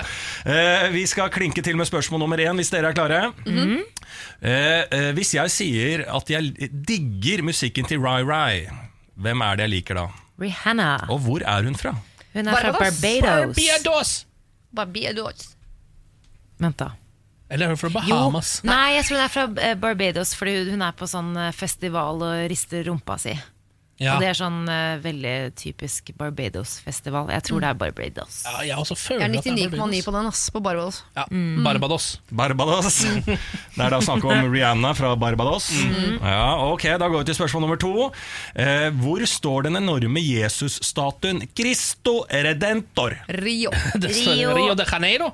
Der har jeg vært og tatt den kleine poseringen. Har du det? Oi. det er jo Har du bildet ennå? Eh, dessverre. Ja, så kult. Dessverre har ikke det bildet. Det ble sletta. Å nei, du har ikke bildet? Jeg har ikke bildet, nei. Det Men det er så kleint. åpningsbildet på Bas Luman sin eh, Romeo og Julie-film, der nyhetskvinnen samtidig sier 'In fair Verona we lay our scene'. Så eh, eh, kommer vi altså inn over denne Rio-figuren. Yes. Som jeg kaller det. Rio-figuren. Ja, Rio-figuren. Liten fun fact, den står også i Lisboa. En fattig kopi av den. Er ikke det? like stor, eh, og den står lenger unna. Man kommer liksom ikke så tett på den. Den står lenger unna, kommer an på hvor du står, da. Ja, ja, det er sant, det, men den står på en måte lenger unna Lisboa da ja, sånn, enn ja. Rio. Den står på en måte midt i Rio, nesten. Bare, Ja. ja. Å ja, så vi kan dra til Lisboa og slippe å dra så langt? Ja, ja, ja, ja. ja, ja, ja, Men det er fint. Men eh, Samantha, da vet du det. så Når bildet ditt har blitt sletta, Ja. så kan du dra til Lisboa. Ja, nydelig, nydelig. Da går vi til spørsmål nummer tre. Uh, I didn't have sex with that girl, sa Bill Clinton. Hvem snakket han om? Monica Lewinsky. Lewinsky. Endelig svar avgitt. Ja. Ja. Nei, Ja, for han sa woman og Monica Lewinsky. Kanskje det er noe scam? Og har han også hatt en jente inne på det ovale kontoret som han har holdt på med sigarene hun sigarene var jo sånn 22 eller noe, da, så hun var jo ikke langt ifra å være en jente. I didn't have sex with that girl, sa Bill Clinton. Hvem snakket han om? Monica Lewinsky. Ja, det kan også hvem Ja, det må skulle jo være det. være, da? Jeg mener han sa 'I did not have intercourse with that woman'. Ja. Ja. Det er mulig du har sitatet ditt feil her, Lars. Ja. Ellers så har han øh, Men Siri er bare så bastant, men det er ikke sikkert hun har peiling. Det har vi lært i den quizen her også. Det høres ut som hun har rett. Vi, vi sier, Jeg sier eh, Monica. Ja, hvis ikke så er det et lurespørsmål. Hvis ikke det er Monica Hvis ikke så er det hun uh, norske som Ja, står utafor slottet der. I- I- Ingeborg Heldal. Nei, vi sier Monica Lewinsky. Ja, ok, Da går vi for alle svarene. Hvis jeg snakker og så digger musikken til Rai Rai, hvem snakker jeg om da? Da snakker jeg selvfølgelig om Rihanna. Barbados sa dere at hun var fra. Jeg vet ikke helt hvor det er, men det kan stemme. det altså. Men eh, mitt svar er eh, Bahamas. Nei, det er feil. Er det det? Hun er fra Barbados. Ja, det, kan, Barbados. det kan godt hende. Jeg har aldri hørt at hun blir kalt for Hun er fra men Barbados. Men er Barbados i Bahamas? Hvor er Barbados? Er en barba det står faktisk på norsk eh, Wikipedia er en barbadisk vokalist. Ja. Barbadisk Bar- vokalist. Barbadisk. vi må finne ut om Barbados har noe med Bahamas å Ja. gjøre. Det er i så fall nytt for meg. Nei, det er ikke, ikke det to forskjellige øyer, liksom? Dessverre. Ja, men Det er jo ikke dessverre, det. Det er jo helt fantastisk. Da er det riktig. Ja. Det er to vi- poeng, det. Vi har i hvert fall riktig. Ja, det er to poeng. Ja. Ja. Ja, Veldig, veldig bra. Da har du to poeng på første spørsmål. Ja. Det er fint, ikke sant? Åh, ekstra poeng. Jeg må aldri drive og legge til eh, spørsmål underveis som Nei. ikke jeg har svar på. som jeg tenker er ikke hun fra Bahamas, da, så bare prøver jeg å kjøre det spørsmålet. Så jeg er litt usikker da når dere svarer noe annet. Eh, men da har dere to eh, riktige svar på første spørsmål, og så kom spørsmålet hvor står den enorme Jesus-statuen Cristo Redentor? Den står da selvfølgelig i Rio de Janeiro. Men vi lærte jo at det er en eh, helt lik kopi av den i Lisboa. Ja. Jeg bare og titta på den i sommer. Ja, så det vil jeg si er et ekstrapoeng. Ja, fytti Det er- nå har Yes, dere fire poeng på de to første. Nei. Det er jo fantastisk. Og så kom siste spørsmål. I didn't have sex with that girl, sa Bill Clinton. Hvem snakket han om? Det var Monica Lewinsky. Åh, jeg skulle si Ingeborg Heldal. Dette er rekord. Dere får fem riktige svar på tre mulige. Ja, Det skal nesten ikke Eller skal faktisk Det er Det er fordi Niklas ikke. Baarli er borte. Ja. Tror du det? Ja, jeg, mener aldri å ha vært lagt, god. jeg mener å ha lagt lista litt ned. Eller? Ja, nei, altså jeg, den, den går litt sånn opp og ned, men noen ganger så må jeg litt ned for å gi dere litt selvtillit. Det er lurt, Ellers så mister jeg jo jobben i kanalen her. Ja, det tror jeg det. faktisk det gjør. Nei, men Så deilig, da. Det syns jeg var en litt ålreit uh, Det synes jeg var litt ålreit poengfangst av oss. Ja. Eh, Lars, eh, takk for at du er til eh, født. At du er født. Det eh, syns jeg også er hyggelig, og da sier jeg som vi gjør i Brasil, arrivederci. Ha det bra. Morgen på Radio 1. Hverdager fra seks. Hør på dette spørsmålet nå. Har du lyst til å vinne en million kroner? Eh, ja, takk. Eh, ja. Ja. Eh, Fordi vi skal sette i gang med et ganske spennende prosjekt eh, her på Radio 1 fra 10.9. Da gir vi lytterne våre muligheten til å vinne én million hver eneste dag. Her på Radio 1. Herregud. Vi kaller det for Radio 1-millionen. Um, Det er altså fra 10.9. Du kan gå inn på radio1.no hvis du vil ha mer informasjon om Radio 1-millionen, som altså er fra 10.9., så vi har ikke satt i gang med det ennå. Eh, Men da tror jeg det kan være litt greit å holde seg ved radioapparatet, eh, for hvis ikke så kan det hende du går glipp av en mill. Ja. Hva ville du brukt pengene på, Siri, hvis du hadde vunnet en mill? Det her er klassiker. Det er en klassiker. Ja, er sånn, ja, det er et spørsmål man har stilt seg selv hele livet. Fordi alle vil, vil eh, vinne en million. Eh, eller flere. Jeg, vil ha- flere millioner. Ja. Um, men jeg, jeg har liksom ikke oppgradert svaret mitt siden jeg drømte om å vinne i Lotto eh, allerede som barn. Mm. Og da var svaret mitt, og det er det fortsatt. Eh, jeg skal kjøpe dykkerutstyr til Linn, venninnen min. Selv om hun har slutta å dykke for mange mange år siden. Fullt utstyr, liksom. Hun dykker ikke lenger, men det var det jeg skulle. Og så skal jeg lage mørkerom til venninna mi Janne, for hun skulle bli fotograf. Og det er hun ikke lenger, men det skal hun få, for jeg hadde bestemt meg for å vinne en million. Skal Linn få dykkerutstyr, Janne skal få mørkerom, og så skal jeg kjøpe leilighet til Tonje, eh, min tredje venninne. Kan hende du har overvurdert pengesummen her. Altså. Ja, Hun har jo mye bedre inntekt enn meg nå og bor i leilighet med mann og barn. Og så, videre, så det er altså Ja. helt meningsløst Men de tre tingene har alltid stått på min eh, liste. Kåk til Tonje, dykkerutstyr til Linn, mørkerom til Janne. Og sjøl vil jeg eh, Jeg vet ikke. Du har ikke noe mer penger igjen da uansett, tror jeg, så du får ikke kjøpt noe til deg sjøl. Nei, Da skulle jeg investert i noe eiendom. Fordi Du kjøper deg en kåk til en som allerede har kåk. Men når Eh, jeg begynte å drømme om Dykkerutstyr dette her, så Man fikk alt dette for en million da jeg begynte å drømme om det. Ja, det gjorde man. det Nå sant, Hadde jeg vunnet en million i dag, så hadde jeg mm, kjøpt ny BMX-sykkel til sønnen min. Oi, så spennende. Hvis jeg hadde vunnet én million kroner, så ville jeg gjort verden til et bedre sted. Fordi Fordi Ja vel, ja. Jeg ville startet verdens beste fastfood-kjede, Sams Burgere. Sams Burgere! Jeg gir det en applaus. for det. Det er et meget godt konsept. Og er det noe eh, verden trenger mer av, så er det flere fastfood-kjeder, tenker jeg. så det, Det syns jeg òg, Ken. Du har helt rett. Eh, jeg ville selvfølgelig ha kjøpt meg eh, Jeg ville installert kino hjemme hos meg selv. Fordi nå har jeg jo kjøpt Beistet, min nye TV, som er en ganske stor TV. Men jeg kjenner at nå begynner jeg å bli litt sånn som eh, glamourmodeller som først har begynt å operere seg. Jeg må ha mer, det må bli større. Det Men- må bli større og større og større. Og større. Ken, ikke for å ødelegge drømmen din, men uh, leiligheten din er ikke så veldig stor. Nei. Blir hele leiligheten din en stor kinosal? Ja, en liten kinosal? ja, ja. Okay. det blir nok det. Eh, liten kinosal. Um, det er liksom det jeg får til. For Jeg har ikke råd til både leilighet og kinoanlegg, så jeg må Nei. prioritere prioritere kino. Bowlingbane? Nei, Nei. jeg er ikke så glad i det. Nei, ok. Bowle alene er ikke noe gøy. Kino alene er kjempegøy. Men kan herregud, for en kjøpe et mulighet. kjempelerret og en drone som kan fly utafor verandaen din, f.eks. Fy faen, skal jeg bare filme oversiktsbilder fra utenfor verandaen min inn? Ja. Ja, det er kjempeinteressant. Eh, vi eh, skal ta en sak her nå som eh, mm, altså, Hvis det f- dukker opp en dyrenyhet i løpet av dagen, så pleier den jo å bli nevnt i dette programmet. Ja. Du har vært innom en ape tidligere som har uh, stikket av, eh, eller blitt kidnappa, egentlig. Befant seg plutselig på Burger King. Eh, dette er overskriften. Seksuelt frustrert delfin skal ha terrorisert franske badegjester. Ja. Drama i fransk eh, kystby, står det. En tur på stranda kan by på en rekke utfordringer. Eh, Det er litt sånn poetisk skrevet i starten her. Dagbladet som har skrevet det. Sand i trusa, glemt solkrem eller brannmaneter. Nå har innbyggerne i den franske kystbyen Lendevenec Lendevenec fått en ny ting å bekymre seg for. En ensom delfin ved navn Safar som terroriserer gjestene ved den lokale badestranda. Han har holdt til i området eh, lenge, og egentlig så har de likt ham veldig godt. Han har bada med gjestene, vært en veldig fin eh, delfin og en slags turistattraksjon. Eh, Men nå så står det at Safars tilnærmelser har fått en annen og litt mer intim karakter. Det begynte med at delfinen gnei seg mot mennesker og kajakker. Tydelig sex... kajakk, syns jeg også er så bra. Det, Ja, det er ganske sexy båt. da, til å være båt så er den ganske hot. Jeg, jeg, jeg, um, og Ved ett tilfelle hindret han en svømmer fra å komme seg inn til stranda. En annen opplevde at safari løftet henne opp av vannet med nesa. Så står det Den påtrengende atferden er ikke uvanlig for en delfin i safaris situasjon, uten en flokk å forholde seg til. Delfiner er sosiale dyr. Får de ikke tilfredsstilt behovet for sosial kontakt med sine egne, er det naturlig for dem å forsøke å skape bånd med mennesker, ofte gjennom seksuelle tilnærmelser. Jeg jobbet jo seks uker ved delfinforskningslaboratorium på Hawaii, og det Jeg bare nevner det.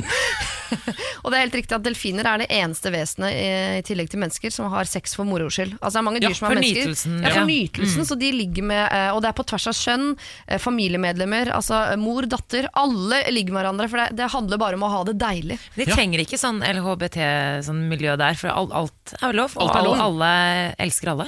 Men jeg synes det er litt deilig å tenke på, Fordi altså, det virker som den egentlig bare vil skape bånd. Altså, den vil, vil ikke i utgangspunktet ligge, men det er liksom seksuelle tilnærmelser den er vant til å bruke. Så det er bare sånn, eh, Den er bare misforstått. Mm. Litt, som, eh, litt som litt sånn venneløse mennesker noen gang kan være òg. Mm. er sånn, De prøver egentlig bare å få seg venner, men så blir det eh, litt for mye sex inn i bildet. Det er som han kåte fyren på slutten av en fest som tenker sånn Nå er det jo ekstremt god stemning her, jeg prøver å ligge med noen, ja. Ja. og så blir stemninga annerledes med en gang. det er helt riktig. Morgen på Radio 1. Du hører på Morgen på Radio 1 med Ken, med Samantha og med Siri, som er vikar for Niklas. Fordi han er på 71 grader nord. Og da har du jo også overtatt spaltene hans i dette programmet, Siri. Ja. Og det er du kjempeglad for. Eh, jeg og Niklas har noen likhetstrekk, men der vi er eh, forskjellige, er på det at Niklas liker å gjøre ting han ikke kan. Mm. Eh, jeg liker best å gjøre de tingene jeg er god på. Ja, Nå har vi jo kommet til eh, lydrebussen. Eh, Bårlis lydrebuss, nå da Siris lydrebuss. Ja. Em, kan du forklare konseptet for folk? Jeg skal lage tre lyder, og basert på de tre lydene så skal dere prøve da å gjette hvilken eh, nyhet jeg vil fram til. Og, eh, forrige uke så tok jeg jo en marginal nyhet som ingen hadde hørt om, for å gjøre det litt grann vanskelig. Ikke sant? Ja. I dag tror jeg har jeg lagt lista et annet sted, så i dag skal det være ganske lett.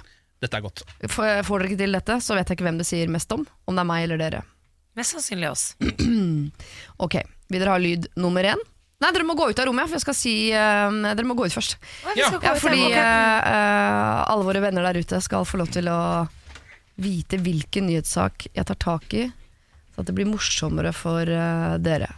Skal vi se. Da er Ken og Samantha eh, på utsiden og står og ser på en med et glassvindu. Samantha står og presser seg inntil glasset, mens Ken ser forventningsfullt eh, på meg. Jeg liker jo å fortelle ting om de to som dere ikke vet fra før. Eh, det dere ikke eh, vet om Samantha, er at hun har syv enorme vorter i bakhodet som syns gjennom håret. Altså, det er så gross. Noen må fortelle dette. Jeg tror ikke hun vet det. Antakeligvis ikke speilet seg fra baksiden. Og eh, Ken, i dag har han altså en bukse hvor eh, altså Det er ikke noe bakdel på buksa hans, så hele ræva henger utafor. Utrolig fin gjeng i front. Ser ikke bra ut eh, fra baksiden. Eh, nyheten jeg skal fram til i dag, er eh, nyheten om at eh, en kidnappet apekatt dukket opp på en McDonald's i Sverige. Ok, da kan dere komme inn. Ok. Så fine dere er. Du har sikkert slengt drit om oss. Så Siri. du på trynet ditt at det der var ikke bra? Har du hatt litt for mye alenetid i studio? Det tror jeg ikke Så var bra bare det hele tatt. produsenten ristet på hodet. Å, Ja, jeg skal rett inn på herregud. podkasten og høre på det her. Eh, ikke si hodet. Ikke si hodet. Em, Oi, oi. Nå, nå fikk jeg et kraftig hint her. eh, vil dere ha første lyd? Ja. Første lyd er Oi, en on, ondsinnet person. Ja, ondlatter. En heks. Andre lyd er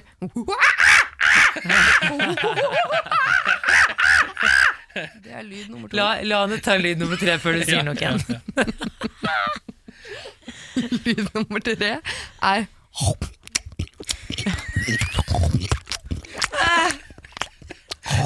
Stakkar. Du vet at Samantha reagerer veldig kraftig på smatting. Ja. Så nå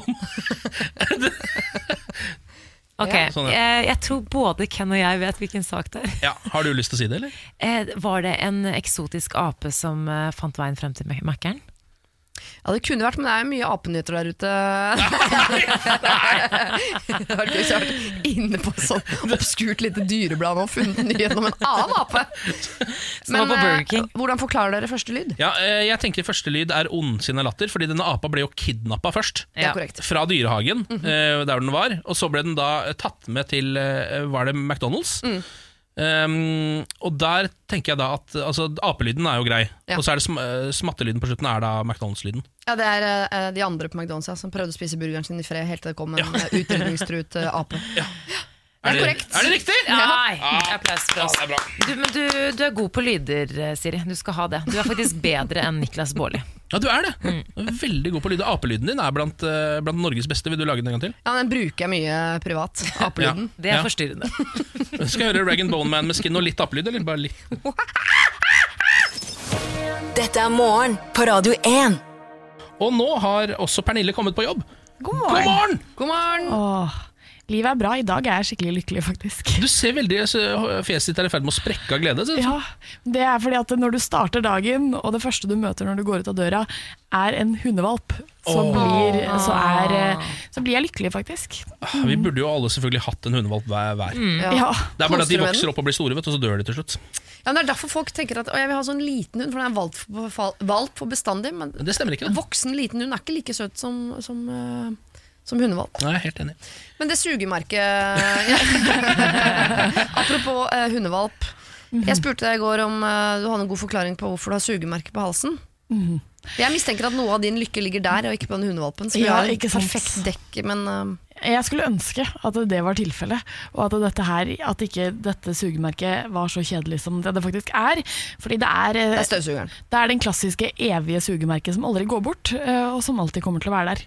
Er det et slags fødselsmerke? Det stemmer. Ah, riktig. Hvor Så- mange ganger har du blitt spurt om det er et sugemerke? Jeg tror det begynte da jeg var sånn rundt ni. Ikke sant? Eh, og så er det Spesielt å gå bort til en niåring og spørre om sugemerke, men det var kanskje Ja. andre niåringer som gjorde det. da Ja, ikke sant? Mm. Mhm, Det er sånn det er i Drøbak, rett og Men Du var jo sikkert stjerna gjennom hele ungdomsskolen da eh, når du ser ut som du har sugemerke. Mm. For det var ganske rått å ha. Jeg pleide å gå med høyhalser bare for å indikere at jeg hadde et sugemerke under noe jeg veldig sjelden hadde. Under der kan det være et Ja, det kan den der. Det syns jeg er det fineste. Ass. Det, Du har jo fått en oppgave i dette programmet å være der ute på gatene eh, og -hmm. trykke øret ditt til eh, the streets for å se hvordan pulsen er der ute, Ja. og hva folk mener. Og det, det spørsmålet som har holdt deg våken om nettene den siste tiden, Ken, Ja. det er What's this thing about animal prints? Ja, hvorfor har eh, nesten eh, altså 70 av kvinnene jeg ser nå, har på seg leopardmønstrede tights, f.eks., Ja. eller sebratrikot. Ikke sant? Um, Er det mye sebratrikot der ute? Altså, er det? det er ikke så mye sebra, det, det er det ikke. Det er mest leopard. Det var, noen, det var noen som jeg måtte spørre fordi de ikke helt skjønte hva jeg mente med dyreprint. Så da sa jeg leopardbukser. Og da skjønte de det. Da skjønte de det, Ja. og svarte på det, da. Jeg lurte på om det var en uh, kjønnsdeling her også. eh, fordi eh, jeg tror Det virker som at kvinner syns dette er veldig ålreit mote. Men så tror jeg jeg har en del menn på min side når jeg sier at jeg får følelsen av Golden Girls. Altså litt eh, eldre kvinner, da. Jeg vil bare si på forhånd at det er en ca. Eh, 40 eller 30-70-40-60-deling. Og hvilken favør den går i, det vet vi, kan vi høre nå. Helt greit. Ja, det er ganske stygt. ja Det er vel litt sånn mote akkurat nå for tiden, men eh, så lenge man styler riktig, så kan det bli kult. No, I wouldn't wear it anyway. So I know if someone wants to wear it, that's their thing, but not mine. uff. Da tenker jeg på et dyr. Tenker noe det kona kunne hatt i skapet, kanskje? The 70s. Hva jeg tenker når jeg ser mennesker med leopardbukser? Eh, Spa, fint for dem. Spæ, fint for dem. Det var ikke spesielt mange av mennene som hadde Det virker ikke som det var sånn ektefølt eh, entusiasme rundt dette med leopardbukser. Nei. Nei, jeg hadde forventa mer grynting, liksom. Ja. Åh, noe Ja. sånn, noe sånn guttural uh... Altså kåtskapslyder? Ja, ja. Ja. Ikke sant? Jeg tror For du, ikke- du tenker at leopard er sexy? Eh, Jeg tenker ikke det, men jeg tenker at menn tenker det. Ja. Nei, for det, det, tror jeg, det tror jeg kanskje du tar feil. Ja, det tror jeg også. Det virker Men kanskje, sånn. altså, jeg kanskje neste uke vi skal spørre om leopardundertøy. For der er, kan det være at the, the tables are turned. Ja. At det er litt mer sexy. Og selvfølgelig også, og hvis vi også går over på dyreprint på sengetøy, så er vi også over på et eller annet, et eller annet landskap. Ja. Um, Austin Powers-landskapet. Austin Powers-landskapet. Mm. George in the jungle. Ja, men jeg føler at jeg, fikk, altså at, at jeg hadde rett jeg, i denne saken. Uh, Leopardmote. Ikke så fint som folk som går med det, kanskje tror selv. Men hvis det er, kommer til å være inn lenge, så skal du bare vente sånn et halvt år, og så sitter vi alle her i fine, fine Ja, jeg, jeg snur alltid hvis det blir populært nok. Sånn er jeg. Sånn er jeg. Altså, jeg har bukse, kjole og sko. Jeg har prøvd et skjørt i går, så min garderobe er snart uh, flekkat. Ja, veldig flekkat. Veldig flekkat, ja. Um, jeg tenkte på en ting da jeg våkna i dag. Uh, da hørte jeg eh, at det dryppa utenfor kåken min, altså det regna. Og så kjente jeg at jeg, det gjorde meg glad. Ja. Fordi jeg er så glad i høst. Det er du, Ken. Jeg er det, jeg er veldig sånn høstete. Hva er det beste med høsten, syns du? Um, jeg tror faktisk det er at det ikke er skamfullt å være inne. Altså Så Mm. enkelt tror jeg det er. Ja. Uh, og alle de aktivitetene det fører med seg. Ja. Uh, Men jeg lurer på hva andre mener, Fordi jeg vet jo at de fleste Eller at veldig mange er sommermennesker. Mm. Så uh, er folk glad i høsten? Hva syns de er det beste med denne årstiden? Det lurer jeg litt på. Skal vi, ta, skal vi ta en runde i studio først, bare høre hva dere syns er det beste med høsten? Ja, jeg elsker jo når det regner. Jeg er helt enig med deg, Ken. Vi er faktisk eh, overraskende like her i studio, tror jeg. Veldig Mhm. mange av oss i hvert fall. Jeg elsker Ja. når, når det pøsregner. Og jeg kan tenne på litt stearinlys, gjerne ta med et glass rødvin. Mm. Det kan jeg ikke nå om dagen, så nå hater jeg jo høsten, selvfølgelig. Mhm. Ja, fordi du er gravid, ja. Jeg ja. kan ikke drikke rødvin. Nei, det er sant. Neida. Men eh, rødvin, regn og litt telis. Ja. Nei, bare tempo, liksom. Tempo, og temperaturen. Alt, det er bare beha høsten er behagelig. Det er sånn, det, altså, høsten er et godt bilde på hvordan jeg vil ha det inni meg. Akkurat det tempoet, den stemninga og den temperaturen. Det er sånn jeg vil ha det på innsiden. Og når verden uh, speiler innsiden, da, da er man i zen. Da blir Ken zen. Har du vurdert å bli Twitter-poet, eller? Jeg tror du kunne gjort deg godt der. det Lagt ut ja, et daglig haiku med litt sånne følelser. Tror jeg kunne vært ålreit. Ja, men Da er det bare å stikke til å sjekke det til i morgen, Pernille. Det skal jeg gjøre. Så snakkes vi om ganske eksakt 24 timer. Morgen på Radio 1. Hverdager fra seks. Fra gressenke til golfenke, det er meg.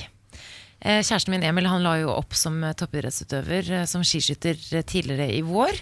Og siden så har, han, har jeg fått han tilbake. Liksom. Vi har jo vært sammen i snart fem år. Og han har jo drevet da med idrett på det øverste nivå. Eh, vært mye borte, i hvert fall på vinterstid.